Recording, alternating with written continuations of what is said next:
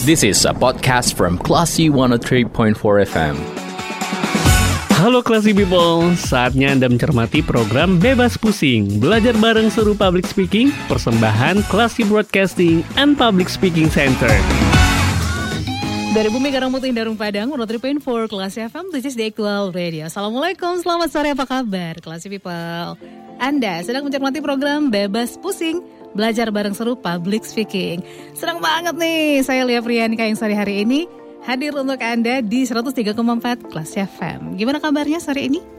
Asik lah ya, seru ya. Mungkin ada yang pulang kantor, ada yang lagi santai, ada yang lagi jalan sama keluarga, sama orang tersayang. Nah, saatnya nih dengerin Kelas FM sambil dapetin ilmu seputar public speaking dan broadcasting.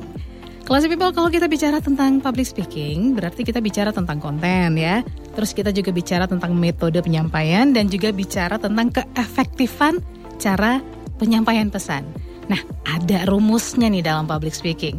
Disebut dengan 3P method dan juga 3P on public speaking. Saya sebagai host sore hari ini akan ngobrol tentang 3P method dan 3P on public speaking ini bareng the only one Direktur Operasional dan Penanggung Jawab Kelas Broadcasting and Public Speaking Center, Anda Hayani. Yeay, sebenarnya nih kita tandem perdana banget ya. Perdana banget. Hai, apa kabar? Kabar baik. Lia Priyanka. Mm-mm. Kabar baik Anda Hayani. Kita tandem perdana untuk on air ini ya. Untuk on air ini dan public speaking. Yeah. Well, when since you talking about BPSC ya, Broadcasting Yes. and Public Speaking Center, sebenarnya saya ini tandem ini banget ya, konco are banget Konco nih sama are. Lia Priyanka kelas Iya. people. Ah, kita berdua sama-sama certified dalam public speaker gitu ya, uh, certified trainer gitu ya. Kita bareng ngambil uh, sertifikasinya, kemudian kita juga jadi trainer di Iya, BPSC. Jadi gitu. ini di- bisa dibilang episode um, Apa apa, ya? ya? Episode spesial Oh, ya, di mana kita bisa. berdua turun ya, berdua Iya. langsung nih. saya Kita sama singkirkan dulu gaya fantasnya. Iya, Gaya Vanres mohon maaf dulu ya. Soalnya Gaya Vanres hari ini sedang wisuda. Yeay, congratulations untuk sarjana baru kita. Yeay. Dan ini adalah um, perdana banget bebas pusing live sebenarnya ya di studio baru. It's the Iya. same spot but different spirit, same spot, different interior and same spot but different energy. Dan yang pasti nanti kita bakal bagi di video-videonya ya, bisa Exactly. dilihat gitu. Jadi tadi Classy People, Lia Priyanka sudah bilang kita akan bicara tentang 3P method dan, juga 3P on public speaking. Sama-sama Iya. 3P ya. Yap. Lia ya, sama-sama 3P tapi beda um, penggunaannya, beda konteksnya juga. Sebentar Bu, sebentar Bu. Iya. Jangan ketukar posisi kita ya. Kayaknya saya yang host gitu ya. Ini karena posisi jadi Jangan ketukar ya. posisinya ya. Jadi saya yang punya hak nanya-nanya hari ini untuk Ibu ya Bu ya. Baiklah. Oke oke Oke, jadi sudah disinggung sama Anda Hayani barusan ya Classy People ya ada 3P Mito dan juga 3P on Public Speaking. Nah, biasanya nih ya eh, Mbak Anda ya, Mhm. persoalan paling mendasar di public speaking itu adalah rasa pede, Yap, yap. rasa percaya diri dari si komunikatornya ini gitu ya, Yes. dari si eh, pembicaranya itu kan ya. Apakah dia tampil di satu rapat kecil sekalipun atau mungkin di eh, audiens yang banyak sekalipun gitu ya. Nah, 3P ini saya yakin bisa mendongkrak pede. Yes, exactly. Bener kan ya? Betul, Itu yang akan kita bahas hari ini. betul. Boleh kita mulai dari 3P method dulu barangkali. 3P method ya. Ini metode 3P ya. P yang pertama itu terdiri dari 3P juga. Jadi prepare, prepare, and prepare. Yep. Ini preparation ya. Prepare, prepare, prepare. Kenapa tiga kali nih prepare-nya diulang? Karena sepenting itu. Emang boleh sepenting itu? Emang boleh, dong. sesering itu, setiga itu, setiga boleh, itu. boleh karena this is so important. Bahkan ada quotes yang bilang bahwa only prepared speakers deserve to be confident. Yes. Hanya uh, public speaker yang punya preparation yang baiklah yang pantas, yang deserve untuk jadi confidence. Yep. Sekarang saya mau tanya nih sama classy people yang saat ini lagi di jalan di mana pun anda berada.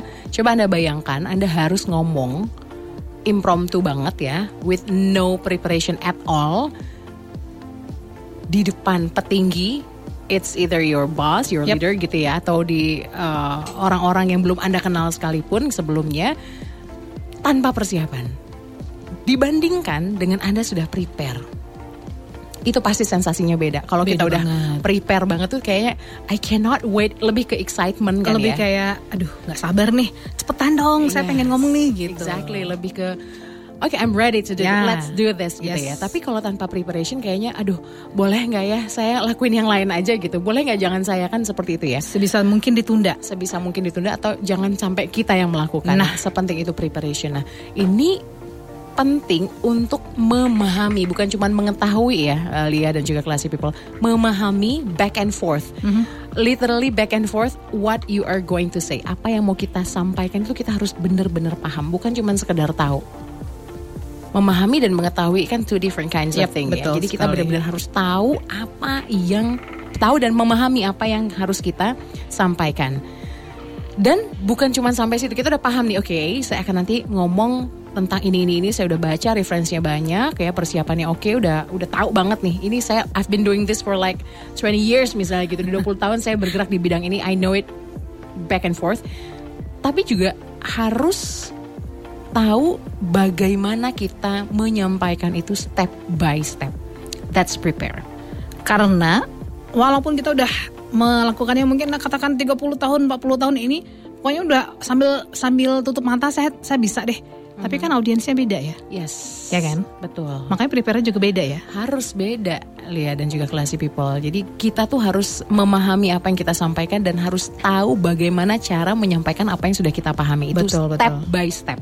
Oke, bicara tentang preparation. Apa sih sebetulnya yang harus di prepare kalau begitu? Nah, preparation itu ya kayak latihan ya, tapi bukan cuman prepare persiapan latihan yang so-so gitu aja ya, tapi pelat- pe- preparation atau persiapan yang matang di mana kita harus menyiapkan bukan cuman bahan saja tapi look kita seperti apa, voice kita seperti apa ya kan, lalu juga eh, materinya dan sampai ke hal-hal eh, logistik ya, kayak mikrofon, kemudian proyektor kita oke apa enggak nih, materi kita Laptopnya iya, gitu ya. laptopnya sampai ke yang kayak gitu gitu.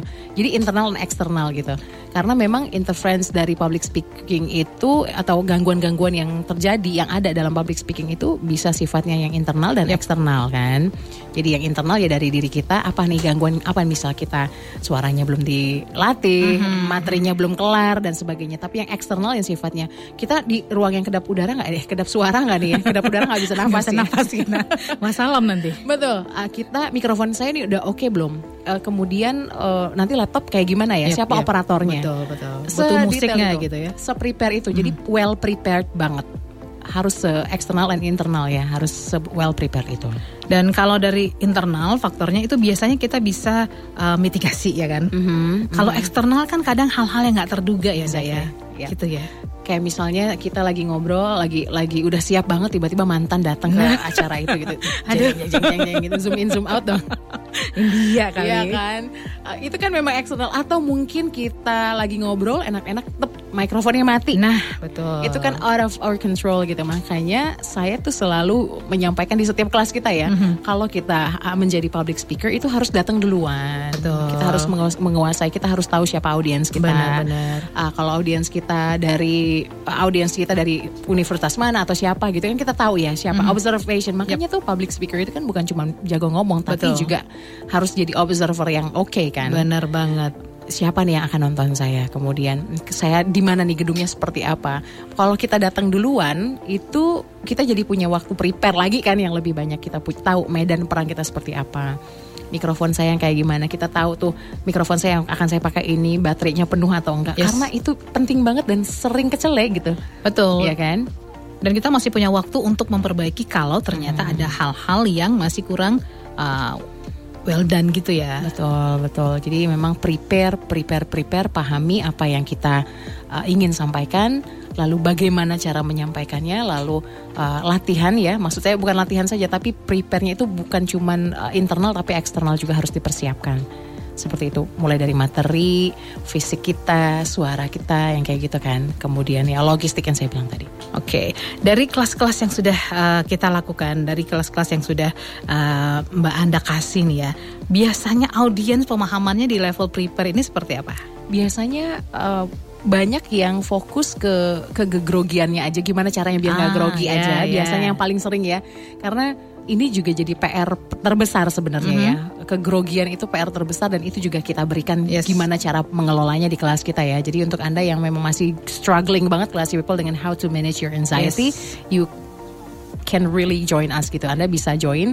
Dan di situ uh, masalah-masalah itu tuh menjadi fokus penting sehingga banyak yang lupa bahwa sebenarnya public speaking itu bukan cuma tentang handling your anxiety, tapi tentang materinya, tentang visual kita seperti apa, kemudian tentang uh, banyak hal lainnya ya, yang eksternal juga yang saya seperti bilang tadi.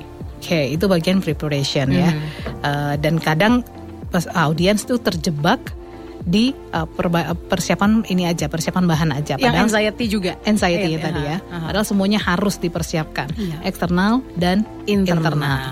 Itu P yang pertama ya classy people ya. Dalam Eh, 3P methods dalam ya. 3P method ya, ada prepare. Next posture nih. Posture Ya. and physicality. Ya, and physicality, yes. Ya, posture and physicality ya classy people. Postur kita, uh, kemudian hal-hal fisik kita lainnya kayak suara. Postur Yes. itu kan gesture ya. Saat kita menyampaikan kita duduk atau berdiri. Betul. Oke, kalau duduk duduk kita kayak gimana? Atau membungkuk atau mau yang kayak gimana? Mhm.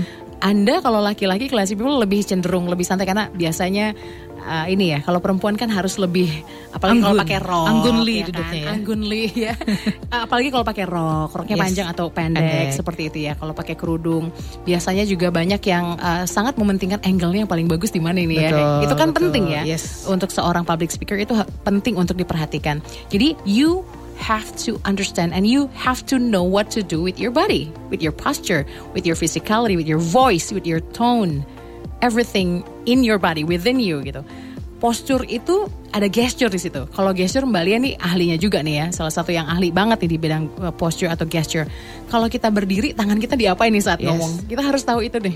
Ada yang ngomong tangannya tuh kayak istirahat di tempat, Ya, gitu kan nggak asik kantong, masuk ya. kantong atau mungkin karena grogi garuk-garuk kepala Betul, betul. atau uh, barangkali juga melintir-melintir rambut misalnya gitu Bener banget. banyak loh Iya. yang kayak gitu. Jadi you have to know what to do with your body, with your posture. Kalau berdiri oke, berdiri seperti apa dan kalau berdiri tangannya gimana nih? Tangan itu tricky juga kan? Betul. Kalau Setinggi apa sih kita harus ngangkat tangan ya Bener. kan? Kemudian kalau tangan kita bergerak ekstra atau exaggerated gitu, itu kan nggak bagus juga gitu. Iya, ini ngapain sih lagi Ini nari ngapain apa gitu? ya? Betul. Tapi kalau terlalu simpel juga kan nggak bagus. Betul, betul. Uh, itu soal posture atau gesture ya, yang open body language or Yes. closed body language itu di kelas kita juga deeper banget akan dibahas classy people. Kemudian physicality lainnya yaitu mata eye contact, ya kan. Kemarin kita buka kelas di Jakarta classy people, kemudian banyak yang masih punya masalah tentang tidak berani melakukan eye contact. Yes. Melihatnya ke mana gitu? Iya, jadi um, banyak yang masih me- mengungkapkan apa yang disampaikan dalam public speaking, tapi matanya tuh ke mana-mana gitu, Mhm. karena dia mikir atau mungkin ya simply nggak pede melihat mata orang lain gitu, karena merasa terintimidasi, takut gitu. Jadi you, you have to understand, you have to control your eye movement juga Yes. gitu. Kalaupun strateginya banyak ya, kalau nggak berani menatap mata orang, biasanya ngelihat jidat atau, atau Iya, dahi ya, iya. dahi atau kepala atau apa gitu. Tapi at least you really have to understand your eye movement. Ada statement saya yang saya uh, emphasizing terus bahwa public speaking harus dilakukan dengan penuh kesadaran, Yes. full consciousness gitu. Karena kalau nggak penuh kesadaran kita suka macem-macem kan. Harus present ya. be present to be in the moment banget kan. Karena orang yang kayak tadi melintir-melintir rambut atau kalau lagi grogi dia jinjit-jinjit, Yes. ya maju mundur Yes. atau mungkin banyak gerakan tubuh gerakan tubuh lain yang dilakukan saat dia tidak full of consciousness yang terjadi sehingga posturnya tadi nggak memenuhi ini, nggak memenuhi uh, 3P methods tadi gitu. Nah, masalahnya gini nih. Hmm? Sebagian orang tidak clear, tidak selesai dengan kegrogiannya yang tadi karena prepare-nya tadi tidak bagus gitu ya. Jadi dia saling berhubungan gitu ya, Anda ya. Betul. Kalau Anda tidak prepare, Anda tidak bisa mengharapkan gesture Anda adalah gesture yang terbaik, Yes. ya kan? Exactly. Karena dari dalam mentalnya itu itu belum belum settle gitu loh. Kalau udah grogi, ya pasti itu pengaruh ke ke gestur kita. Biasanya gestur orang grogi gimana sih nunduk-nunduk ya kan atau eh, jinjit-jinjit seperti yang Mbak Anda bilang tadi. Jadi clear dulu dengan eh, prepare tadi. Yap. Pastikan prepare-nya itu benar-benar bagus, baru kemudian masuk ke gesture tadi. Yes, posture and physicality. Yes. Itu tadi belum voice ya. Iya, Nanti betul. habis habis break kali ya kita Boleh voice ya. boleh. Kita kasih kesempatan dulu buat classy people-nya buat istirahat sebentar. Yes, we'll be right back. Halo Classy People, saatnya Anda mencermati program Bebas Pusing. Belajar bareng seru public speaking, persembahan Classy Broadcasting and Public Speaking Center. 103,4 kelas FM This is the actual radio Somebody to love Dari Queen untuk Anda sore hari ini Ajib banget ya. Haji banget Yang tadinya udah capek Energinya udah habis Melek lagi. Is, Langsung ngebooster mood kan Ya, one of the best, best, best band ever di dunia ya. Queen, itulah dia. Dan ini udah pernah dibahas juga di program kita ya di Makna Rasa Makna Queen Rasa. ya, ya. Tapi pada waktu itu Bohemian Rhapsody yang dibahas. Oh iya ya, eh, maksudnya eh, lagu dari Queen Tapi bukan ini berarti ya Iya. Oke Alright. Back to bebas pusing. Tadi kita udah ngomong soal 3P method. Yang pertama ada prepare. Tadi sudah dijelaskan sama Mbak Anda ya. Kalau kita sedang melakukan public speaking, itu sebenarnya bukan hanya pada saat ngomong yang harus diperhatikan. Jauh sebelum itu ada hal-hal yang harus dipersiapkan. Internal dan juga eksternal. Internal tentang diri kita, eksternal tentang hal-hal di luar diri kita yang mungkin aja bisa terjadi. Kita harus tahu penyelesaiannya seperti apa gitu ya. Kurang lebih poinnya ya Mbak Anda ya. Betul, betul, betul. Kayak tadi eh, contohnya kalau ternyata mantan yang penuh dengan kenangan tiba-tiba masuk, enter the rooms gitu kemudian jadi freezing gitu ya. Ya. Itu mungkin terjadi atau hal-hal semacam itu terjadi. Hmm. Uh, persiapan kemudian membuat kita jadi lebih kuat karena saat ngeblank kita kan punya base atau foundation yang Hmm. Yes. kuat kan sehingga kita nggak terlalu goyah gitu. Goyah Betul. sedikit boleh lah. Oke lah ya agak terdiam sedikit ya, agak agak freeze dikit, tapi setelah itu langsung on lagi. Betul, karena udah foundationnya udah kuat Benar, kan. kita tahu nih, kita punya database-nya, kita tahu apa yang harus dikerjakan. Exactly. Terus yang kedua uh, dari 3P method itu adalah posture and physicality. Yes. Tadi kita sudah ngomongin soal gesture. Tapi tadi Mbak Anda juga uh, singgung tentang open gesture dan closed gesture. Kita Yes. bisa kasih dikit kali ya do and don'ts-nya nih. Oke, kalau close gesture itu kayak salah satu contoh konkretnya adalah saat tangan kita ngelipat di depan dada, Ya. kebayangkan ya itu kayak Mhm. close gesture. Artinya kita terlihat seperti orang yang nggak open gitu, Nggak welcome sama audiens kita. Padahal ini berkaitan banget dengan uh, public speaking di mana it's not about you, it's about Yes. your audience, it's Yes. about how to make your audience comfortable Comfy, ya ya. kan. Bagaimana tentang membuat kita uh, membuat audiens kita itu nyaman dengan keberadaan kita sekarang. Siapa pun jadi nggak nyaman kalau ada orang yang ngomong di depan dia sikapnya bossy, belagu gitu ya. Like rejection Like gitu a ya. Rejection gitu ya belagu atau mungkin ya posturnya op- close gitu ya tidak mau membuka diri kepada audiens yang seharusnya dibuat dia nyaman kan jadi kayak melipat tangan. Itu kan kayak bikin benteng gitu ya antara kita dengan Betul. audiens ya. Jadi nggak ada engagement, takutnya Mhm. seperti itu kan. Jadi ya uh, close gesture sangat dihindarin deh. Memang jangan sampai kita melakukan gesture seperti itu. Ya dengan persiapan lagi kan jawabannya dengan dengan full consciousness jangan sampai membuat gerakan-gerakan seperti itu. Bukan cuman yang kayak gini ya tangan melipat di depan dada, tapi gesture-gesture lain yang seperti merendahkan, Mhm. misalnya kita melihat audiens kita tuh atau mungkin ekspresi kita. Yep. Uh, ini dari kampus mana? Oh, kampus ini. gitu kayak itu kan meremehkan ya. Nobody will- nobody Yes. like it, right? Nggak ada yang suka dibegitukan kan. Jangan sampai kita jadi enemy Betul nih, betul. gitu. Sesimpel nunjuk juga gitu ya. Mbak Anda, ya. Nunjuk, nunjuk juga uh, apalagi di culture-culture tertentu Yes. ya di daerah-daerah tertentu. Kalau misalnya menunjuk itu pakai jempol misalnya Mhm, ya kan. Berapa jari nih? Apakah lima jarinya? Betul. Apa jempolnya? Apa telunjuknya gitu ya? Betul, betul. Jadi memang makanya observer kan. Mhm, You really have to understand who are you dealing with gitu. Kita lagi dealing sama siapa Yes. nih gitu. Seperti itu. Oke. Kalau yang open gesture ya gesture yang baik ya kan. Mhm. Maksud saya gesture-gesture yang open yang uh, tapi terlalu terlalu open juga Itu yang exaggerated tadi ya. exaggerated tadi ya. Kalau disuruh milih close atau open gesture ya tentu saja Open gesture. Open gesture, Jadi ya. open gesture kayak kita uh, ngomong tuh sambil gerakin tangan dengan luas ke kiri dan ke Betul. kanan. Tapi jangan terlalu rendah, jangan terlalu tinggi juga. Proporsional gitu. ya. Proporsional, right. Betul. gitu. Jadi ya enak lah, nyaman dilihat. Tapi jangan terlalu uh, penari-penari juga. Nanti dikira uh, ini ya Lagi KKN di tari desa pendek penari. kayaknya ya.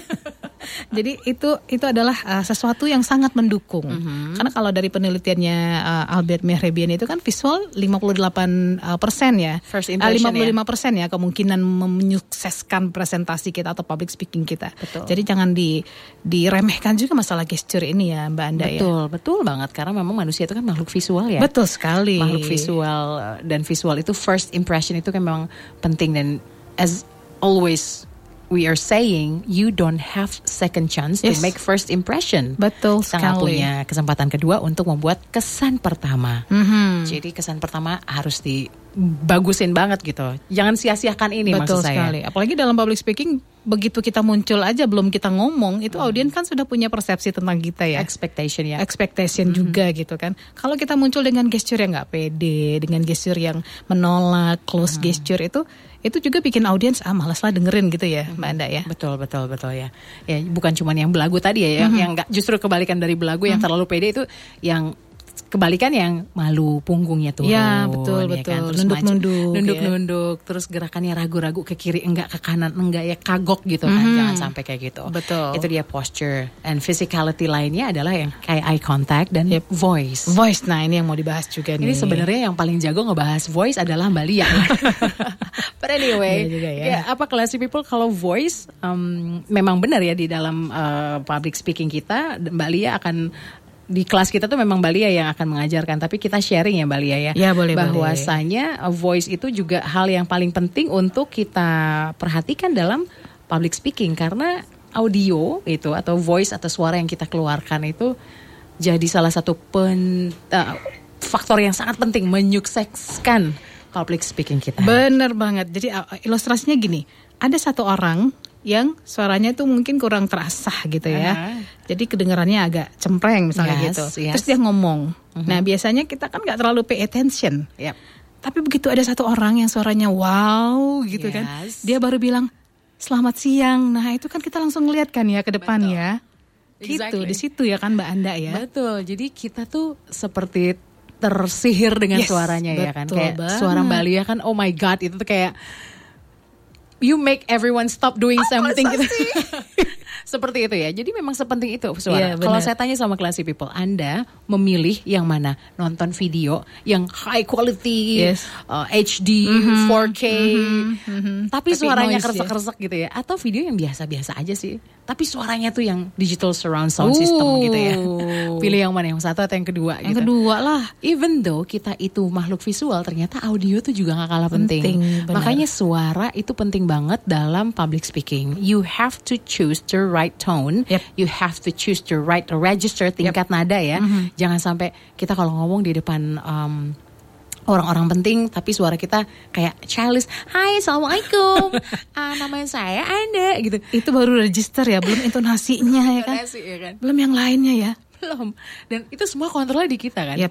kalau saya kemudian tiba-tiba merubah suara saya sepelan ini gimana Hmm. bisa aja kan sebenarnya sepelan ini atau mungkin saya ngomong bibirnya nggak gerak kayak gini itu kan bisa aja sebenarnya. Tapi apakah kemudian itu membuat orang nyaman? Tentu saja tidak dan it's all 100% your control classy people. Yep.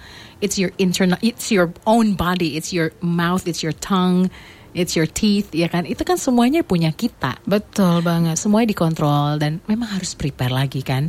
Harus diperhatikan juga. Vokal salah satu yang penting. Kalau menurut saya vokal pribadi ya kalau penelitian itu 50 sekian persen adalah visual kalau saya Vokal justru ya. justru Yang- karena saya orang audio mungkin ya tapi memang audio uh, suara seseorang sangat menentukan. Bahkan uh, kalau cerita soal suara tuh banyak banget ya Mbak Lia ya dan classy people. Banyak orang-orang yang mau menjabat mau uh, punya kepentingan sesuatu tuh dia betul-betul memperhatikan sampai les vokal dulu Iya, betul. ya untuk bener-bener bisa bukan cuma untuk nyanyi ya Betul. bukan buat nyanyi tapi memang untuk uh, keperluan-keperluan uh, pidato Betul. misalnya, keperluan-keperluan kampanye misalnya gitu Betul. kan. ya. Salah satunya adalah Margaret Thatcher kan. Yes. The Iron Lady, the first woman prime minister of Yes. England kan. Yes. Dia itu memang se- secara uh, literally les vokal agar suaranya bagus dan suaranya menjadi respected gitu ya. Feel respected gitu ya. Ambience-nya bagus, tidak seperti emak-emak yang lagi marah-marah gitu ya. Seperti itu. Jadi your physicality is really important and then especially your voice gitu ya. Karena suara itu bisa merubah kondisi sebenarnya. Dan ketika kita sudah mempelajarinya, itu Anda akan menyadari betapa ajaibnya suara ini Exactly. bisa menarik perhatian si audiens. Yes. Ya kan ya? Betul, betul.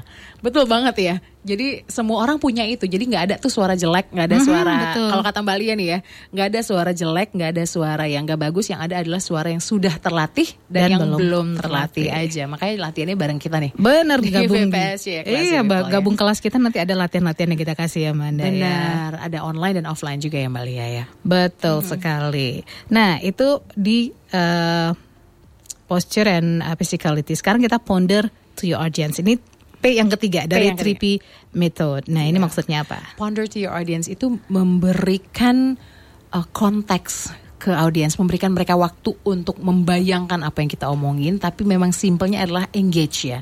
Kita tuh ngomong jangan keasikan sendiri, sendiri ya. aja kita ngomong bla bla bla bla berapa bla gitu ya. Tapi audiens kita tuh nggak relate dengan apa yang kita omongin.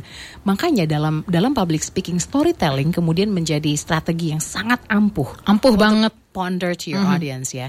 Kita mau menyampaikan peraturan perusahaan atau kita mau menyampaikan uh, suatu hal yang sangat formal instead of saying oke okay, yang harus kita lakukan adalah satu ini dua ini mm -hmm, tiga mm -hmm. ini mm-hmm. mendingan kita lakukan dengan cara storytelling yang oke okay, guys jadi uh, background kita sampai. Jadi uh, karena kasus yang kemarin, kemudian perusahaan Yes. membuat sebuah kebijakan agar kesalahan yang sama tidak terulang lagi. Jadi alurnya enak Alurnya ya. enak, ya. Jadi enak ngomongnya daripada satu, ini, dua, ini. Itu tiga, kan ini. kaku sekali dan biasanya akan ada rejection juga dari orang-orang kalau diperlakukan seperti itu ya. Ya, karena mereka ngerasa nggak relate kan gitu. Betul. Ini tidak tidak tidak termasuk konteks yang emergency ya. Kalau yang emergency peringatan itu ya harus straight to the point yang memang formal dan yang jelas-jelas aja ngomong tidak storytelling juga ya. Kalau storytelling mengumumkan ada gempa ada tsunami itu nggak Lama, lama.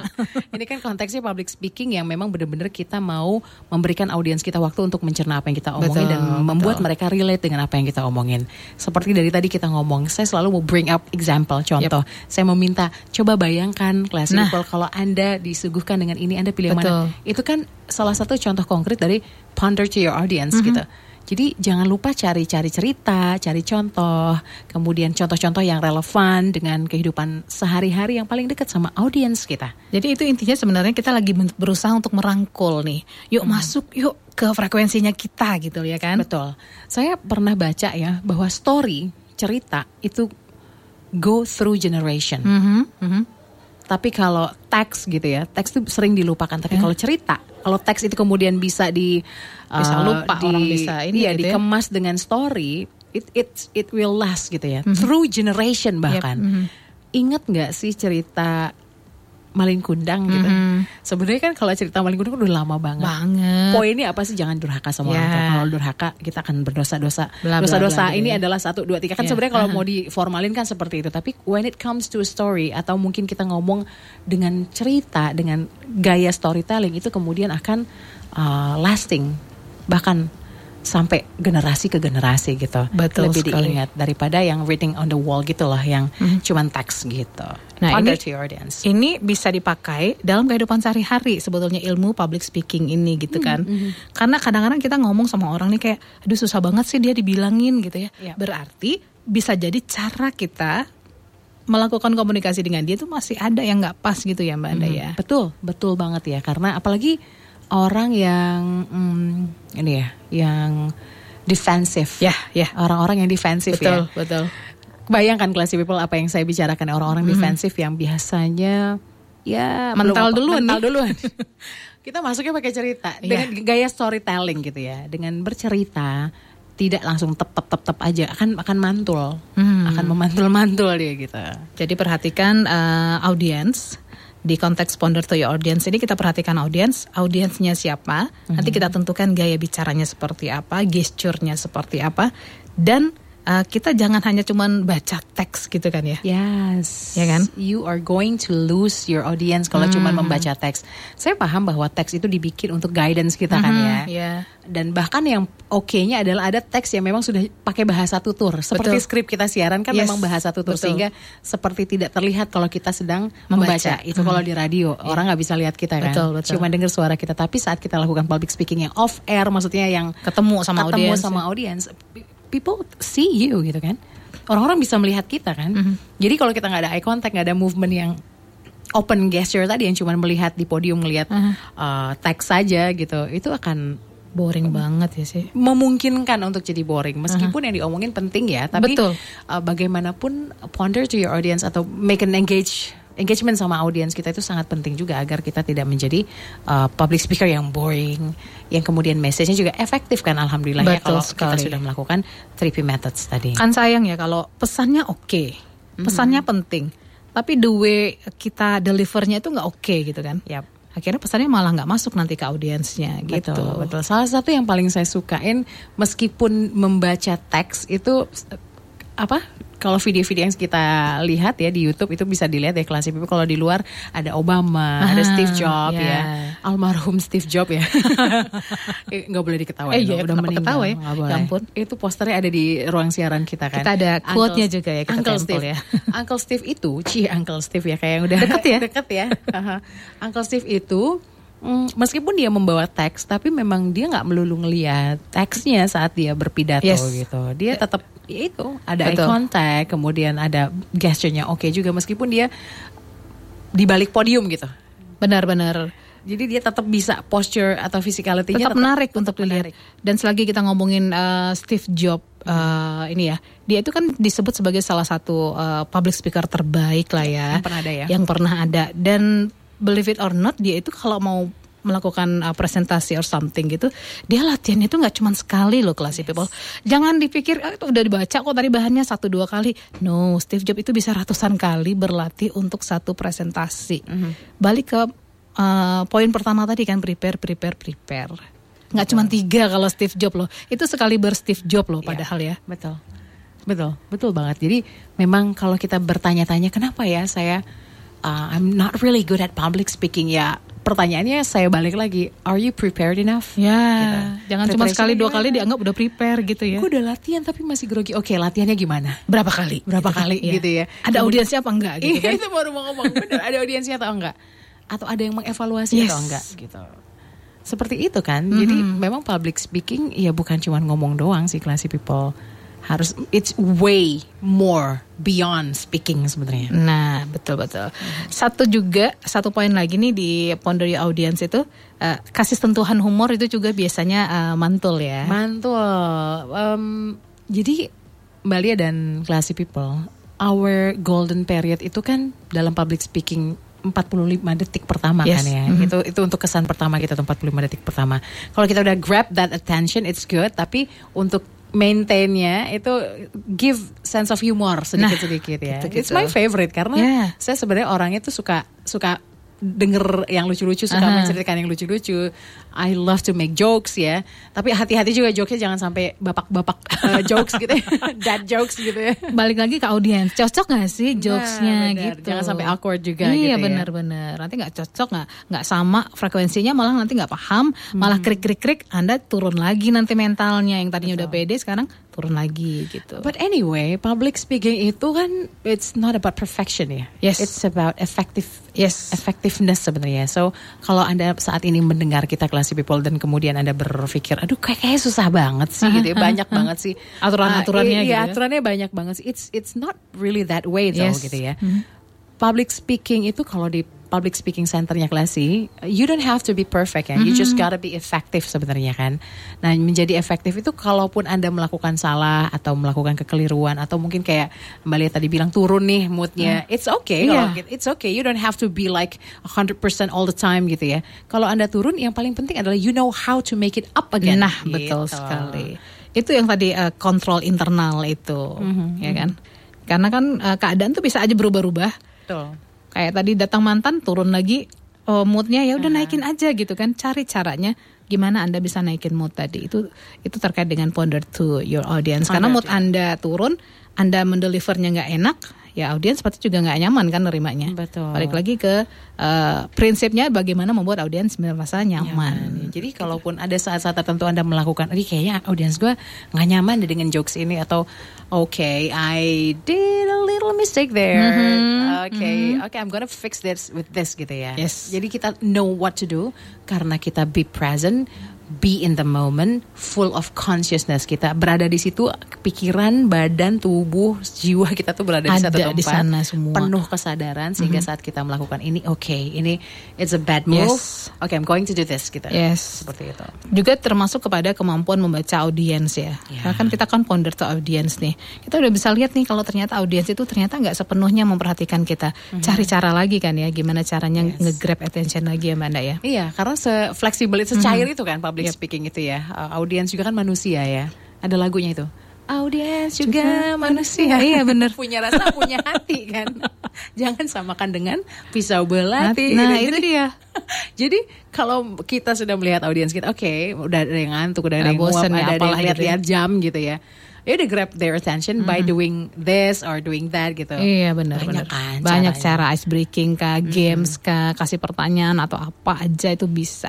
Yes. Nah, satu hal yang uh, saya sadari kalau uh, ketika mulai intens mempelajari public speaking dan membuka kelas di kelas kita nih di kelas di Broadcasting and Public Speaking Center itu ya Mbak Anda ya, bahwa apa pun pengetahuan yang kita pakai, yang Ya. kita tahu itu sangat berguna di public speaking. Jadi jangan balas baca, jangan males uh, mengamati keadaan dan mengikuti perkembangan zaman. Kayak tadi storytelling, kita nggak akan mungkin ber- bisa bercerita dengan baik kalau kita nggak punya cerita tentang itu ya kan. Kayak Mbak Anda tadi cerita tentang Margaret Thatcher.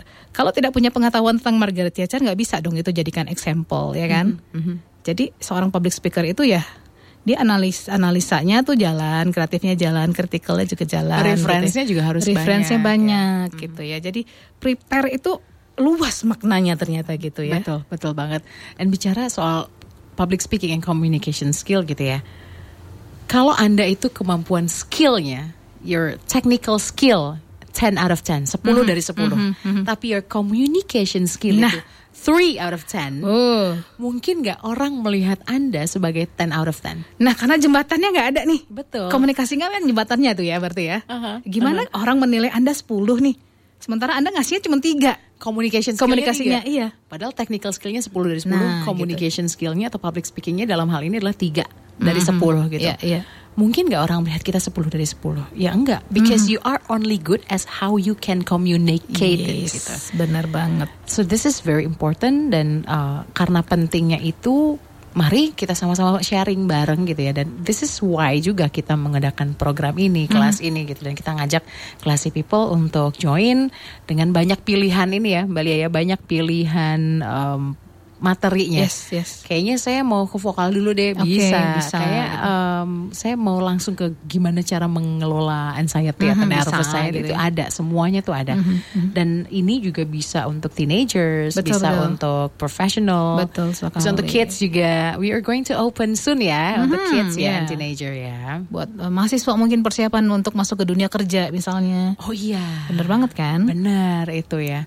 Dan mahasiswa mahasiswa sekarang dari dulu sih memang mahasiswa itu kan yang belum punya pengalaman kerja Mhm. dan kemudian masuk ke dunia kerja itu kan beda banget ya. Beda- beda. Sebelum sebelum ke dunia kerja kan wawancara dulu Mhm, ya kan. ya. Communication skill juga penting banget Betul. diketahui. Kemudian cara berkomunikasi saat kita punya ide tuh kayak gimana ya dalam public speaking saat kita presentasi, mempresentasikan apa pun ya. Yes. Mulai dari ide diri kita Yes, sendiri pun betul. memperkenalkan diri kita Yes. juga kan ada caranya gitu.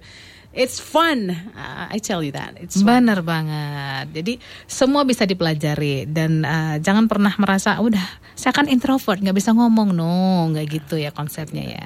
Jadi kita udah 3P method ya Mbak Lia ya. Iya. Ada lagi 3P aja nggak pakai method. Mhm. Itu ada di Prepare. prepare, kemudian practice and performnya gitu ya. Kalau kita ngomong 3P ini nih classy people. Tadi kan 3P methods, sekarang 3P aja.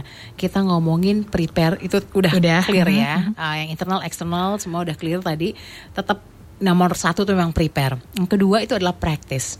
Jadi practice aja tuh nggak Nggak cukup, cukup ya. ya. Jadi practice yang a good practice ya atau perfect practice itu yang make perfect sebenarnya kan. Jadi kalau kita latihan tapi cara yang salah kan kita melatih yang salah kan jadinya. Mengulang yang sama Mengulang sebenarnya. yang sama gitu ya. Jadi pastikan kita kalau mau latihan juga caranya praktisnya juga dengan Yes, yang betul. benar metodenya gitu. Caranya gimana ndak ya? Yang salah satu yang paling eh, kita emphasize adalah dengan ada tandemnya dan harus ada evaluasi saat Mhm, praktis gitu. betul, Jadi kalau misalnya teman-teman atau classy people, gue tuh nggak bisa public speaking, gue udah latihan, gue udah uh, praktis latihan, Mhm, tapi em, nggak Sama cukup aja ya, hasilnya sama gitu aja ya. Ya praktisnya kayak apa dulu gitu. Berapa kali praktis, kemudian caranya benar atau enggak. Iya. Yang paling praktikal yang bisa Anda uh, lakukan classy people adalah bahwa saat praktis pastikan ada mata yang nyata melihat Anda. Mungkin berarti kita bisa ambil mungkin orang tua, saudara, teman, Exactly. satu dua orang gitu Benar. ya. Atau kalaupun aduh saya nggak ada, saya tinggal sendirian. Ya bikin videonya, Mhm. kirim. Yes. Kan sekarang udah gampang banget kan Betul, ya. betul. Jadi emang praktisnya jangan cuman praktis sendiri, nilai sendiri, evaluasi sendiri, jangan kayak gitu. Setiap saya nge-MC di acara-acara apa pun, mau acara yang big atau yang middle atau yang small bahkan ya, saya selalu eh, diskusi sama eh, stage manager. Eh nanti gue mau ngejokes ini ya untuk opening gimana? Oke bagus tuh, keren-keren tambahin ini, tambahin itu. Jadi emang ada, Ada ininya gitu ya. Inputnya juga dapat ya. output dan inputnya jadi balance kan. Jadi kita nggak ngerasa "Oh, ini oke ini kayaknya keren deh tapi ternyata tidak. Nggak, iya, iya, Atau parahnya adalah saat kita mengeluarkan hal-hal yang hmm, Tabu ternyata gitu ya. tabu dan tidak cocok gitu kan ya sama corporate tertentu Yes, yes. gitu kan itu bisa sering terjadi. Jadi practice makes perfect. Um, I don't think so, but good practice or perfect practice Mm-hmm. makes perfect. Nah dalam uh, praktisnya juga kita harus punya tujuan kan. Tujuan latihan kita agar apa?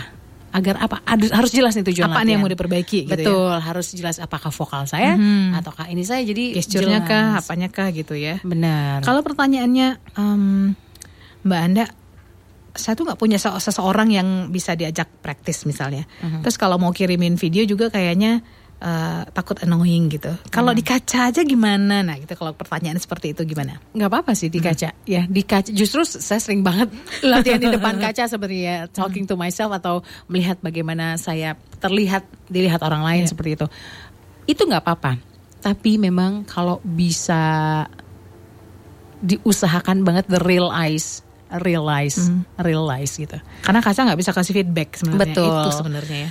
Dan bahkan dulu ya waktu itu saya di kos-kosan zaman dulu gitu ya masih ngemsi ngemsi gitu saya tuh minta kucing saya bukan kucing saya itu kucing yang ada di kos-kosan itu untuk I need a real eyes li ya Tunggu tunggu. Dia Saya udah tuh- jadi ahli belum sekarang tuh kucing? mungkin sudah ya tapi saya butuh segitunya saya butuh mata asli atau Iya, butuh iya, makhluk iya. hidup lain untuk Butuh melihat. merasa ditatap ya. Iya, itu butuh merasa ditatap gitu.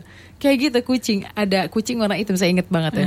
Kayak dia duduk, saya latihan di depan dia gitu. Uh-huh. Iya, iya, Dan saya iya. melihat mata kucing itu gitu. Oke.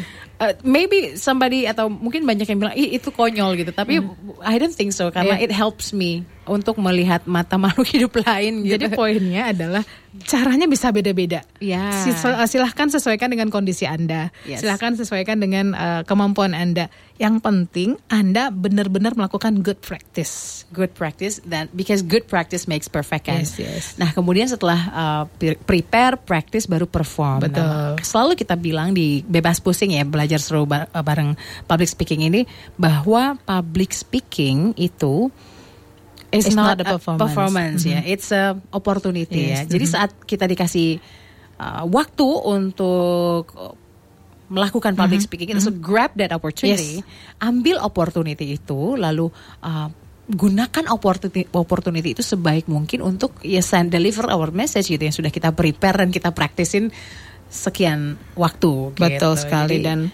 mhm, opportunity ini yang harus menjadi landasan kita bahwa oke ada yang memberikan saya opportunity Nah, untuk gitu. mendeliver Yap. apa yang ada di kepala saya yang Yes. mereka tidak tahu mereka nggak tahu nih Aha. tapi jadi tahu gara-gara ada saya gitu loh Jadi uh, mindsetnya adalah sayang banget loh kalau dilewatin setiap kesempatan untuk bisa ngomong di Betul. depan audiens. Baik itu Betul. dalam stop skop kecil mungkin di kantor Mm-hmm. atau bahkan cuman di kelas untuk presentasi hasil kelompok misalnya begitu ya.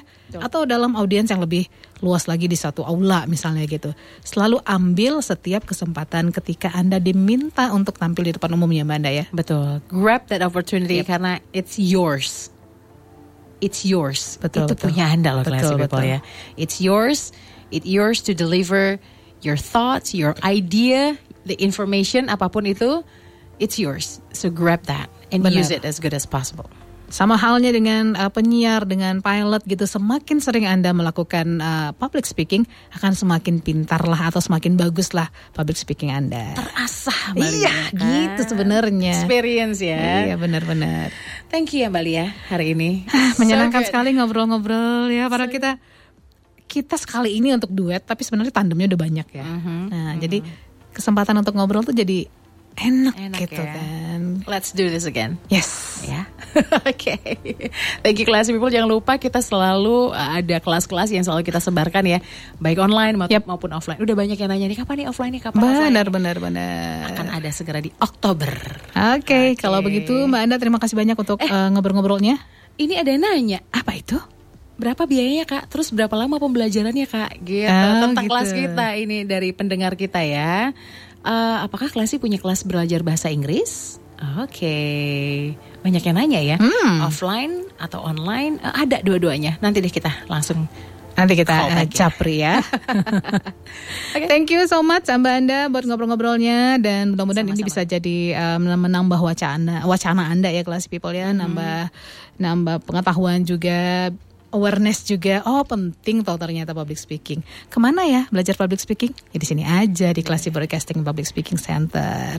Oke kalau begitu saya Lia Priyanka pamit. Saya Anda Hayani juga pamit. assalamualaikum. And then see you. Terima kasih. Anda sudah mencermati program Bebas Pusing, belajar bareng seru public speaking. Sampai jumpa minggu depan ya.